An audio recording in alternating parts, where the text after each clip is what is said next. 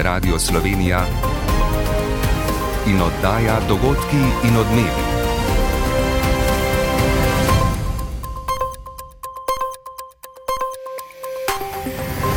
Ura je 15 in 30 minut. Dober dan. Pozdravljeni. Ali bodo zdravniki jutri stavkali, bo po napovedih znano najpozneje v dveh urah in pol. Takrat se namreč izteče rok za dogovor med sindikatom Fides in vlado. Uro pred iztekom roka pa se začenja tako imenovana stavka bolnikov. Protesta pomočnic vzgojiteljic pa kot kaže ne bo. Glavni odbor sindikata vzgoje in izobraževanja je namreč potrdil dogovor o zvišanju njihovih plač. Ko ga bo še vlada, bodo odpovedali shod napovedan za soboto končno bo imela začetnica pomočnice vzgojiteljice uh, začetno plačo nad minimalno, končno lahko napredujemo. Ministrica za javno upravo, ki začasno vodi tudi notranje ministrstvo, Sanja Janovič-Hovnik, je s predstavitvijo prednostnih nalog tega resorja in policije za letos sprožila ugibanja, ali bo kandidatka za notranjo ministrico. Odgovorila je, da je ta odločitev v rokah premijeja Goloba in dodala: Jaz sem odlična ministrica za javno upravo. Le dobrega pol odstotka proizvedene energije pri nas je iz geotermalnih virov. Da bi povečali ta delež, bodo objavili do zdaj zbrane podatke o potencijalu geotermalne vode in vlagateljem ponudili tehnične smernice za njeno rabo. Predstavnica Geološkega zavoda Nina Arman. To je v bistvu prvi tak projekt, kjer pa res sodeluje celoten cikl, tako da se nam zdi, da zdaj bo pa res bomo dosegli napredek. Tudi jutri bo po večini jasno z občasno povečano oblačnostjo. Z vami sva Gregor Budal in Sara Lutrič. Danes so pri nas spet v ospredju zdravstvene teme. Še dobri dve uri je časa za sklenitev dogovora med zdravniki in vlado ter odpoved za jutri napovedane stavke. V več mestih po državi se bodo ob 17. zbrali pacijenti. O razmerah v Ljubljani pa sta se po včerajšnjem pomiritvenem sestanku pogovarjala zdravstveni minister Daniel Bešič Loredan in ljubljanski župan Zoran Jankovič. Za nekaj pojasnil je z nami Katja Arhar, pozdravljena. Dobar dan. Začniva pri medijaciji med zdravstvenim ministrstvom in Fidesom. Kaj je znanega doslej? Medijacija med ministerstvom in Fidesom še poteka, medijator je zdravniško društvo, pogajanja naj bi bila trda, več ni znanega, njihov rezultat pa mora biti znan do 18. ure, tako so včeraj določili upleteni. Zaenkrat torej nič konkretnejšega v primeru, da stavka jutri bo, pa je potrebno povedati, da bo potekala 24 ur, začela se bo o polnoči, oskrbljeni pa bodo nujni pacijenti, starejši od 65 let in otroci ter nosečnice in porodnice. Kot rečeno, počakajmo še dobri dve uri in bomo zagotovo vedeli. Hmm, čez pol uro in pol pa se začne tako imenovana stavka pacijentov, kako bo potekala? Stavka pacijentov oziroma bolje rečeno shod bo potekal v Ljubljani na Trgu republike, pa tudi v Izoli, Kopru, Mariboru, Kranju, Novem mestu, Slovenskih konicah, Slovengradcu in Novi Gorici. Na vseh lokacijah se bo začela ob 17. Ponekod bo shod potekal tudi pred zdravstvenimi domovi, do česar pa so kritični mladi zdravniki, ki menijo, da je zbiranje pred zdravstvenimi, zdravstvenimi domovi žaljivo. Tam namreč delajo zdravstveni delavci, ki javnega zdravstvenega sistema še niso zaposlili zapustili, ob tem pa upravljajo še delo vseh, ki so odšli. Opozarjajo, da za delovanje zdravstva niso odgovorni zdravniki, ampak politiki, ki o njemu odločajo. No, politika bo predlogom civilne inicijative Glas ljudstva, ki organizira današnjo stavko pacijentov, prisluhnila, tako je vsaj dejal včeraj premijer Robert Golob. Tudi ljubljanski župan Zoran Jankovič meni, da so vsi predlogi za reševanje problema slovenskega zdravstva dobrodošli. Pa jaz ne bi rekel, da je to stavka. Jaz bi to drugače videl, da je to poziv, kako zagotoviti zdravnika družinske medicine za 132 tisoč ljudi, ki nimajo svojega zdravnika. In jaz to podpiram in pozivam in vsaka rešitev, ki bo prišla, da to uredimo, ne, to traja po obdobje več kot deset let, ki se to nabiralo, ne, bo prava rešitev. Ljubljanski župan se je danes srečal tudi z ministrom za zdravje glede reševanja primarnega zdravstva. Kako je potekal sestanek? Zoran Jankovič sestanka danes ni želel komentirati, takšen je namreč dogovor z ministrom za zdravje Danielom Bešičem Loredanom. Prisluhnimo pa, kaj vseeno povedal o tem sestanku. Dogovor obeh je, da v pogovoru ne bo več komentirala, dokler ne bo konkretnih predlogov, ki bo skupaj predstavljala. Sestanek je bil izjemno koristen, to ocenjujem, bil je efikasen, kratek in eh, na osnovi predlogov, ki smo jih dejali, iščemo rešitve, ki bo dobri za pacijente Ljubljani in pa tudi v Sloveniji. V Ljubljani se še naprej trudijo zagotoviti nove družinske zdravnike, tudi iz držav Zahodnega Balkana je to vse težje, pravi Jankovič, saj so plače zdravnikov v Beogradu, Sarajevo in Skopju že tako visoke, da zdravniki domovine ne želijo zapustiti in priti v Slovenijo. Specializanti družinske medicine v četrtem letniku se bodo pogovorili o možnosti opredeljevanja pacijentov, del bremena pa bi odnesli tudi ambulante za neopredeljene. Za nje naj bi bilo v Ljubljani vse pripravljeno, a ni bilo še odločitve, kdaj se bodo odprle, kje in koliko jih bo. Katja Arhar, hvala. Malenkost. Pomočnice vzgojiteljic so zadovoljne z včeraj sklenjenim dogovorom med sindikatom vzgoje in izobraževanja ter vlado o zvišanju plač za štiri plačne razrede. Dogovor je na današnji seji potrdil najvišji organ Sviza, glavni odbor. V nadaljevanju mora to storiti še vlada, opozarja glavni tajnik Branimir Štrukel. Če se bo to zgodilo na četrtkovi seji, sobotnega protestnega shoda pomočnic vzgojiteljic ne bo. Prispevek Jureta Čepina. Vlada se je oktobra lani zavezala, da bo realizirala vse v preteklosti sklenjene dogovore s sindikati. Pomočnik vzgojitelja predšolskih otrok je zakonsko že dlje časa opredeljen kot večstopenski naziv, ki pa doslej ni bil vršen v plačne razrede, pojasnjuje ministrica za javno upravo Sanja Ajanovič Hovnik. In včerajšnja pogajanja za pomočnice vzgojiteljic je bila torej ta zakonska obveznost uvrstiti jih v plačne razrede, kjer smo pač dosegli ta dogovor, torej 3 plus 1, 3 plus 1, 2 plus 1 v različnih stopnjah naziva. Plačilo za naše delo na vkljub dogovoru še vedno ni posem primerljivo z drugimi poklici znotraj javnega sektorja, za katere je zahtevana enaka stopnja izobrazbe, smo pa z doseženim zadovoljni, pravi pomočnica vzgojiteljice v vrtu Morje Lucija Špela Štempel končno bo imela začetnica pomočnice vzgojiteljice uh, začetno plačo nad minimalno, končno lahko napredujemo. Torej, z tem dogovorom bomo s 1. aprilom dobili en plačni razred in že zdaj s 1. januarjem 3. Tako da absolutno pač je nek občutek, da je naše delo bilo vrednoteno. Dogovor je danes že potrdil tudi 54-članski glavni odbor Sviza, svoje mora zdaj storiti še vlada, pravi glavni tajnik Branimir Štrukel. Mi imamo postavljeno uro, da najkasneje v četrtek o 15. uri pričakujemo potrditev z vladne strani. Če jo do takrat ne bo, potem bomo razumeli, da vlada ne potrjuje tega in bomo protestni shod izpeljali. Se pa nadaljujejo pogajanja za sklenitev stavkovnega sporazuma za delovna mesta v skupini J in za strokovne delavce, kjer Svis še vedno čaka na opredelitev vlade do njihovih zahtev. Ministrica za javno upravo Sanja Janovič Hovnik, ki je po odstopu Tatjane Bobnar za največ tri mesece prevzela vodenje notranjega ministerstva, je predstavila načrt dela ministerstva v tem letu. Malce nenavadno je, da začasni minister v začetku leta predstavi prioritete dela ministerstva in policije, saj bi lahko imel novi minister drugačne poglede in usmeritve. Ob tem Sanja Janovič Hovnik ni želela potrditi, ali bo morda prav ona prevzela vodenje notranjega ministerstva. Prispevek Roberta Škarjanca. Ministrica Sanja Janovič-Hovnik je prav s predstavitvijo prioritet dela notrnega ministrstva in policije za letošnje leto sprožila ugibanja, ali bo morbitno vodenje ministrstva za notrne zadeve prevzela prav ona. Novi minister bi namreč lahko imel drugačno vizijo vodenja, a glede tega ministrica kratko, da je njena naloga predvsem nadaljevanje že začetih projektov. Če in ko pride novi minister, uh, bo imel drugačno videnje, zadev bo to pač takrat predstavil. Prav tako ni odgovorila na vprašanje, ali je med kandidati za notranjo ministrico. O tem se bo izrekel predsednik vlade, ko bo sprejel odločitev. V tem trenutku te odločitve ni, takoj ko odločitev bo, jo bo sporočil tudi javnosti.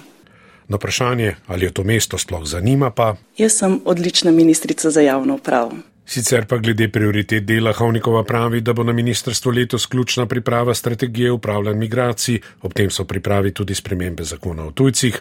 Policija pa bo poseben podarek namenila medvrstniškemu in družinskemu nasilju ter problematiki femicida in spolnih zlorab.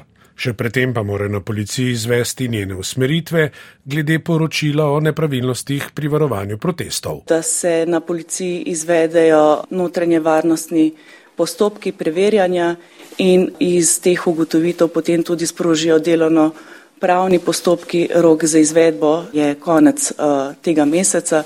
Kot je še dejala, je sama kot državljanka zgrožena nad ugotovitvami poročila, kot ministrica pa dolžna poskrbeti, da se take zlorabe nikoli več ne ponovijo. Zato so pripravi že sistemske spremembe, tako zakona o delu policije, kot tudi zakona o njenih pooblastilih. V nadaljevanju dogodkov in odmevov najprej na tuje. Evropska unija in NATO krepita strateško partnerstvo, predvsem na področjih kibernetske varnosti, vesolja, odpornosti in podnebnih sprememb. Zagotavljajo tudi nadaljno podporo Ukrajini v boju proti ruski agresiji. V Braziliji pospešeno preizkujejo nedeljski vdor protestnikov na vladna poslopja. Doslej so aretirali približno 1500 ljudi. Kaznovanje odgovornih je obljubil tudi predsednik države Luis Inacio Lula da Silva. O domačih tem pa o nadaljevanju sojenja v zadevi zadevi T6. Nekdani direktor termoelektrarne je v zagovoru zavrnil očitke o klientelizmu. Vsi ljudje, ki so bili imenovani v skupine in komisije, so bili imenovani na podlagi strokovnosti. In nikoli na nobenega nisem vplival, da bi naredil tako, kot sem jaz zahteval.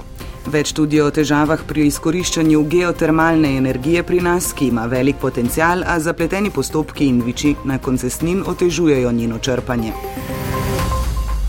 Generalni sekretar Zveze NATO Jens Stoltenberg je z vodji Evropskega sveta in Evropske komisije Šarlom Michelom in Ursulo von der Leyen na sedežu zavezništva v Bruslju podpisal deklaracijo o sodelovanju. To je tretja skupna deklaracija, ki govori o krepitvi sodelovanja med stranima. Iz Bruslja Igor Jurič. Ruski napad na Ukrajino pred malo manj kot letom dni je še dodatno ukrepil željo NATO in Evropske unije po krepitvi strateškega sodelovanja. Enotnost med obema je zelo pomembna za krepitev lastne varnosti, pa tudi zaradi vsestranske pomoči Ukrajini. NATO sicer še naprej ostaja temelj evropske in čezatlantske varnosti. Po načrtovanem vstopu Finske in Švedske v NATO bo pod varnostnim dežnikom te organizacije kar 96 odstotkov vseh državljanov Unije in tako visok delež ozemlja kot še nikoli predtem, je spostavil generalni sekretar zavezništva Jens Stoltenberg. Vsi podpisniki deklaracije pa so podarili potrebo po okrepitvi evropskega stebra obrambe. Strateški dokumenti obeh organizacij se že tako ali tako v veliki meri ujemajo, zdaj pa morata organizaciji še ukrepiti in poglobiti sodelovanje. Po besedah predsednice Evropske komisije Urzule von der Leyen na področjih kot so vesolje, kibernetske in hibridne grožnje ter terorizem, pri razvoju najmodernejših tehnologij, pri soočanju s podnebnimi spremembami, ki povzročajo nestabilnosti v svetu in pri krepitvi odpornosti Unije pred tujim vmešavanjem in pri zaščiti kritične infrastrukture. Vsi trije so sicer zagotovili nadaljno enotno in okrepljeno podporo Ukrajini v njenem spopadu z ruskim agresorjem. Nihče od podpisnikov deklaracije ne nasprotuje pošiljanju najmodernejšega orožja Ukrajini, recimo sodobnih tankov. So pa vsi opozorili, da morajo članice NATO in Unije povečati proizvodno orožja, ker je potrebno obnoviti zaloge orožja in streljiva, saj so skladišča zaradi pomoči Ukrajini precej izpraznjena.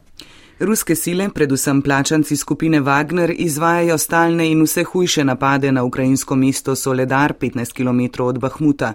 Kot je sporočil ukrajinski predsednik Volodimir Zelenski, sta obe mesti še pod ukrajinskim nadzorom. Ob tem je Zelenski izrazil prepričanje, da bo tako tudi ostalo. Po njegovih besedah je odpor ukrajinskih sil v Soledarju ključen za pridobivanje časa za prerasporeditev ukrajinske vojske in ohranitev obramnega zidu, ki varuje Slovjanski in Kramatorsk, večji mesti v Donbasu, ki sta še pod ukrajinskim nadzorom. Brazilski predsednik Luis Inacio Lula da Silva je obljubil, da bodo našli in kaznovali vse, ki so sodelovali v nedeljskem napadu privržencev njegovega predhodnika Žeira Bolsonara na osrednje državne ustanove v prestolnici. Oblasti so doslej aretirale približno 1500 udeležencev naredov, policija pa je izpraznila tabore protestnikov v prestolnici Brazilija. Hkrati se je več deset tisoč ljudi v številnih brazilskih mestih udeležilo shodov v podporo demokraciji. Prispevek Blaža Ermenca. Brazilski pravosodni organi pospešeno preizkujejo nedeljski vdor izgrednikov v predsedniško palačo, stavbo kongresa in druge državne ustanove. V razdejanih stavbah iščejo prstne otise in druge dokaze za identifikacijo izgrednikov. Skušajo tudi ugotoviti, kdo je financiral avtobusni prevoz protestnikov v prestolnico. Podobne napade naj bi po trditvah brazilske vlade načrtovali tudi v drugih zvezdnih državah. Podemos afirmar, ki golpistas Lahko rečemo, da počistom na splošno kriminalcem ni uspelo izvesti državnega udara, je zatrdil ministr za pravosodje in javno varnost Flavio Dino. Doslej so aretirali približno 1500 ljudi, od teh so več kot 200 izgrednikov aretirali že v napadenih ustanovah. Predsednik Lula da Silva je doslej izrekel več kritik na račun varnostnih sil. Te niso reagirale na dolgotrajne pozive protestnikov k posredovanju vojske in državnemu udaru. Napade bi lahko preprečili, meni tudi brazilska politična analitičarka novinarka Bruna Santos. Brazilska obveščevalna služba se je zavedala, da lahko pride do takšnega napada, pa vendar niso storili ničesar, opozarja. Nekdani predsednik Jair Bolsonaro, ki je po vzoru svojega političnega zaveznika Donalda Trumpa ustrajno kritiziral potek volitev in ni nikoli jasno priznal volilnega poraza, ustrajno zavrača očitke, da je pozival k Doru. Ostaja na Floridi, kamor je odpotoval tik pred inauguracijo zdajšnjega predsednika Lule da Silva. Včeraj so ga v Orlandu hospitalizirali, domnevno zaradi bolečin v trebuhu. Prvi poskus izstrelitve rakete z ozemlja Velike Britanije ni bil uspešen. Podjetje Virgin Orbit britanskega podjetnika Richarda Bransona je sporočilo, da njihova raketa Launcher One po noči ni dosegla zemljine orbite. Raketa bi v vesolje po načrtih ponesla devet satelitov, ki bi jih uporabljali za civilne in vojaške namene, a so zdaj uničeni med Archer iz vesoljske agencije Združenega kraljestva. Um, Motori so se na prvi stopni uspešno zagnali, napaka se je pojavila pri drugi stopni. Kaj natančno je šlo na robe, bomo ugotovili v preiskavi. Na tej stopni misija ni bila uspešna, vendar smo dokazali, da lahko izvedemo izstrelitev iz Kornvala. Zato je vse pripravljeno za vnovični poskus v prihodnosti. Če bi izstrelitev uspela, bi Velika Britanija postala ena od devetih držav, ki imajo svoje lastne izstrelitvene zmogljivosti za dostop do vesolja. Strokovnjaki Evropskega projekta Kopernik, ki spremlja stanje našega planeta, so danes predstavili poročilo za leto 2022. Na kratko bi lahko rekli, da so prejšnje leto zaznamovali ekstremi. Poleg rekordnih temperatur so velik del Evrope prizadele zgodovinske suše, drugod po svetu so pustošile poplave. Pogled iz vesolja daje v pogled v spreminjajoče se razmere na našem planetu, ki pa ne prinašajo nič dobrega. Več Matej Hrastar. Kar deset evropskih držav je v letu 2022 zabeležilo najtoplejše leto, odkar izvajajo meritve. Poleg Velike Britanije, Portugalske, Španije in Francije se v to skupino vrčajo tudi Slovenija, Hrvaška ter Bosna in Hercegovina. Direktor klimatološke službe pri projektu Kopernik Karlo Buontempo. Kar je pomenilo, ni katera država je podrla kateri rekord, pač pa, da smo najtoplejših pet let imeli v zadnjih osmih letih. Vseh pet pa je za več kot stopinjo Celzija preseglo temperature iz predindustrijske dobe, pravi Bon Tempo. Zelo verjetno bodo prihodnje leta še prinašala toplotne rekorde. Če je bilo lansko leto v svetovnem merilu peto najtoplejše, je Evropa zabeležila drugo najtoplejše leto v zgodovini.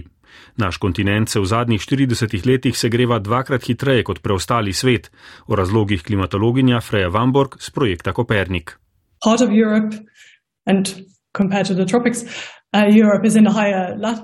Eden od razlogov je, da Evropa leži na višji severni zemljepisni širini, kjer segrevanje že tako poteka hitreje. Potem so tu še nekateri razlogi, ki so večplastni in ne povsem jasni. Menimo, da so toplejša poletja ob Sredozemskem morju delno povezana s kroženjem vode, vendar o tem še nimamo povsem jasne slike, je dejala. Morje ob severozahodnji obali Italije in na jugu Francije je bilo lani kar 5 stopinj toplejše od dolgoletnih poprečij. Požarom, ki so divjali predvsem na Iberskem polotoku, v Franciji in pri nas, je botrovalo tudi manj padavin. Zaskrbljujoče je še taljenje ledu, predvsem na skrajnem severu planeta, ta trend na Antarktiki ni tako očiten, še naprej pa naraščajo tudi koncentracije toplogrednih plinov v ozračju.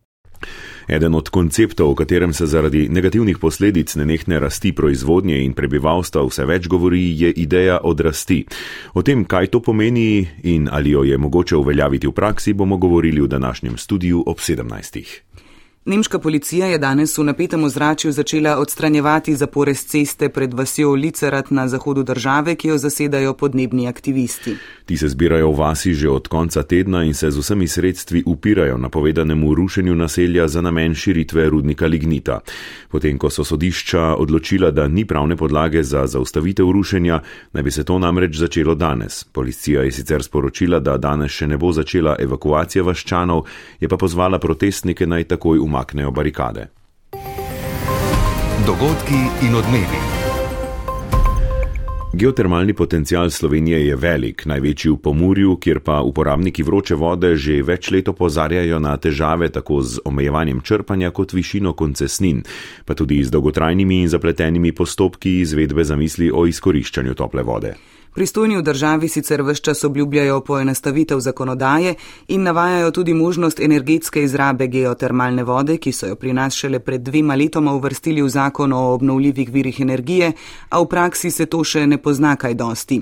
Pri Pomorski gospodarski zbornici so lani ustanovili odbor za geotermijo, ki je pred koncem leta v pomoči pomorskih poslancev na vlado naslovil nekaj aktualnih vprašanj. Več Lidija Kosi. Geotermalna energija zagotavlja pri nas samo ni celih šest odstotka celotne primarne energije in prav energetska kriza nas dobesedno sili v njeno večjo uporabo.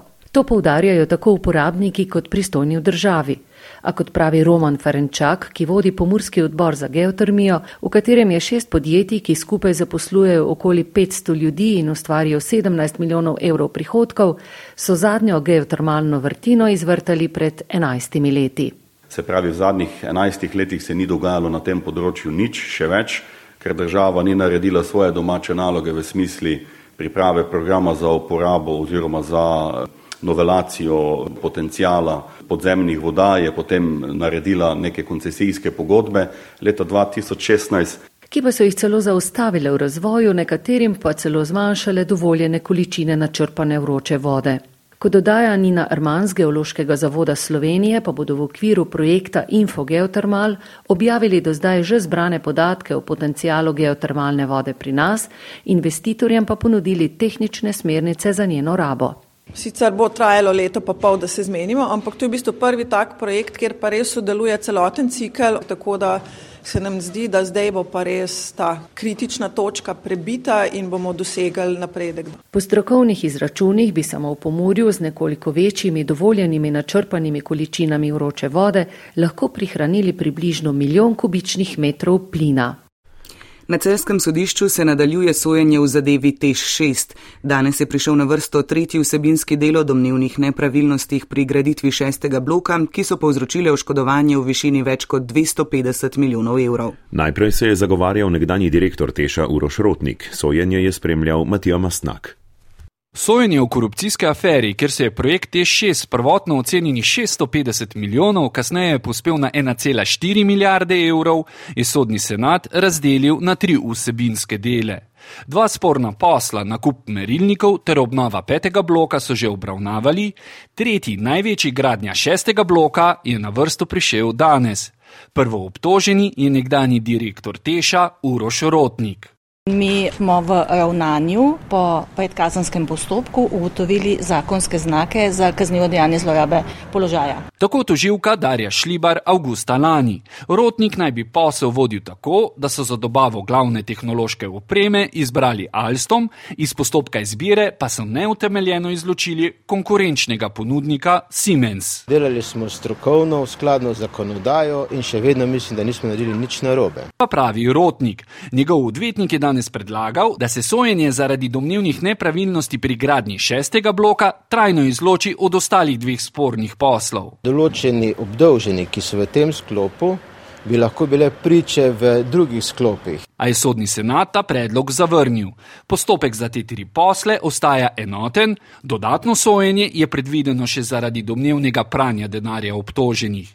Sodijo desetim fizičnim in dvema pravnima osebama, grozi jim do 20 let zapora. Ponovimo, da še vedno traja medijacija med Ministrstvom za zdravje in zdravniškim sindikatom Fides. Čez dobro uro ne bi bilo znano, ali bodo zdravniki jutri stavkali. Takrat se po državi začenjajo tudi protestni shodi oziroma stavka pacijentov, kateri je pozvala inicijativa Glas ljudstva. Udeleženci se bodo zauzeli za ohranitev javnega zdravstva, zahtevali dostop do družinskega zdravnika za vse, ukinitev dopolnilnega zdravstvenega zavarovanja in ustavitev odtekanja denarja k zasebnikom. Dodajmo, da se bo premijer Robert Golob danes na izredni seji sodnega sveta in na izrednem občnem zboru sodniškega društva s sodniki pogovarjal o odpravi plačnih nesorazmeri in financiranju sodstva. Na dnevnem redu je tudi načrtovana reforma sodniške zakonodaje.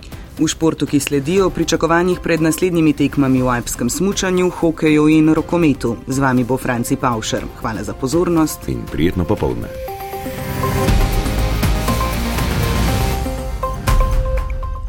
Alpske smučarke že čez dve uri čaka nova tekma svetovnega pokala, Flaha bo prizorišče sedmega slaloma sezone, na katerem bodo nastopile tri slovenke na čelu s peto slalomistko sveta Ano Bucik.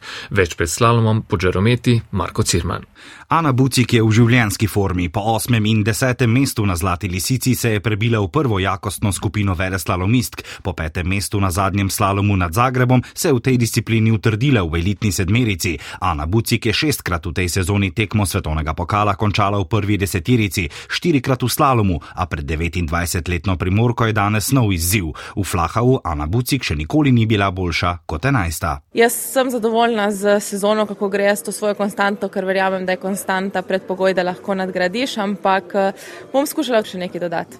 Nastopili bosta še Neja Dvornik in Nika Tomšič. Prva bo startala najboljša smučarka na svetu, američanka Mikaela Šifrin, bo lovila 83. zmago v svetovnem pokalu, sedmo na zadnjih osmih tekmah, skupno že deveto v letošnji sezoni. Start prve vožnje ženske tekme z najvišjim denarnim skladom bo ob 18. Sedmi ženski slalom sezone bomo spremljali na valu 202. S tekmo med Polsko in Francijo v Katovicah se bo jutri začelo svetovno rokometno prvenstvo, ki ga gostita Švedska in Poljska. Na turnir je bila slovenska reprezentanca, ki je proti Poljski odpotovala pred nekaj urami, povabljena poleti, v skupini pa jo ob Saudske Arabije čakata prav preumenjeni reprezentanci. Tik pred odhodom je selektor Uror Zorman seznama črtal vratarja Ferlina, dve krili Mazeja in Cokana ter desnega zunanjega Krečiča, seboj pa vzel 18 rokometašev, med katerimi bo šest igralcev, ki na zaključnih turnirjih čakajo na prvi nastop. Debitant med trenerji tudi Uror Zorman. Nijamo kje vstopati na velika vrata, mi gremo lahko čez stranska vrata noter, pa mogoče na koncu lahko čez velika ven pridemo. To je edino naš, naše vodilo, se pravi spoštovati vsakega, biti uh, ponižen, ampak v sebi vedeti, da smo sposobni marsičesa. Večinoma poškodbe in slabša pripravljenost so skrojile nabor in morda spustile ambicije. Bolj želja kot cilj je uvrstitev med osmerico, ne povsem nerealna, odvisna pa predvsem od tekme s Polsko v soboto. Mednarodna rokometna zveza edina ustraja s strožjimi omejitvami glede COVID-19 za udeležence, kar vnaša nemir, podobno kot pred letom dni na evru. Drugič bo to turnir 32 reprezentanc, Wildcard je ob Sloveniji dobila nizozemska. Na prestolu je že štiri štiri leta Danska, zadnji poraz na svetovnih prvenstvih je doživela v Franciji, z ostalih celin pa med nevarnimi le Egipt. Po 22 letih v konkurenci Združene države Amerike, s poti na Polsko, Uroš Vok. Že drevi bo prva finalna tekma državnega hokejskega prvenstva v Tivolju. Večna tekmeca Olimpija in Jesenice boste igrala na dve zmagi, v petek pod Mežakljo. Več Boštjan Janežič. Ljubljančani in Gorenci slednji so igrali na močnem turnirju celinskega pokala, se zelo dobro poznajo, saj je v eni in v drugi garderobi veliko hokejistov, ki so igrali za oba kluba. Olimpija in Jesenice igrata različno uspešno v različnih ligah. Pred zadnji zeleno-beli so na zadnjih 12 tekmah v razširjeni avstrijski zmagali zgolj enkrat. Rdeči so v Alpski ligi izgubili le trikrat in so prepričljivo prvi po rednem delu. Olimpija je jeseni osvojila pokalno lovoriko, njen trener Šivic je bil bil lani prvak z Ljubljančani, predlani pa z Jeseničani, ki jih zdaj vodi Glavič. Olimpija je favorita proti boljšim tekmecem, ne zna niti ne uspe prevzeti pobude. Morda jo bodo impulzno na finalnih tekmah prevzeli celo železari, ki odlično igrajo z igravcem več na ledu. Olimpija je v tej prvini zelo skromna. Garefa ni zadovoljil tivolske stroke, manjkal bo bovni kapelj. Drevi se bo začel 25. medsebojni finale v samostojnosti. Rezultat je izenačen na 12, sicer pa ima Olimpija 17 slovenskih naslovov, jesenice pa 13. Javljanja z večnega derbija bodo na valu 202, v Tivoliju se bo začel ob 18.30 minut. Ko že napovedujemo, da skrke in deskari bodo imeli večerni paralelni slalom svetovnega pokala v Badgeštajnu, v odbojkarskem pokalu C bodo Mari Borčanke igrale prvo tekmo osmine finala z Bustom Arsizijom, osmo ekipo italijanskega prvenstva. V deveti etapi Relija Dakar je za prvo slovensko vrstitev deseterico pomirano stanovniku poskrbel Toni Mulec, ki je etapo s ciljem v Haradu končal na visokem šestem mestu. V svojem razredu Reli 2 med motociklisti pa je bil celo zmagovalec. Korošec je v skupni razvrstitvi zdaj na 26. mestu, Simon Marčič danes 42. je v seštevku motociklistov na 55. mestu. Poslušali ste oddajo Dogodki in odmevi urednica Natalija Muršič, voditelja Sara Lotrič in Gregor Budal, tonski mojster Peter Lebar.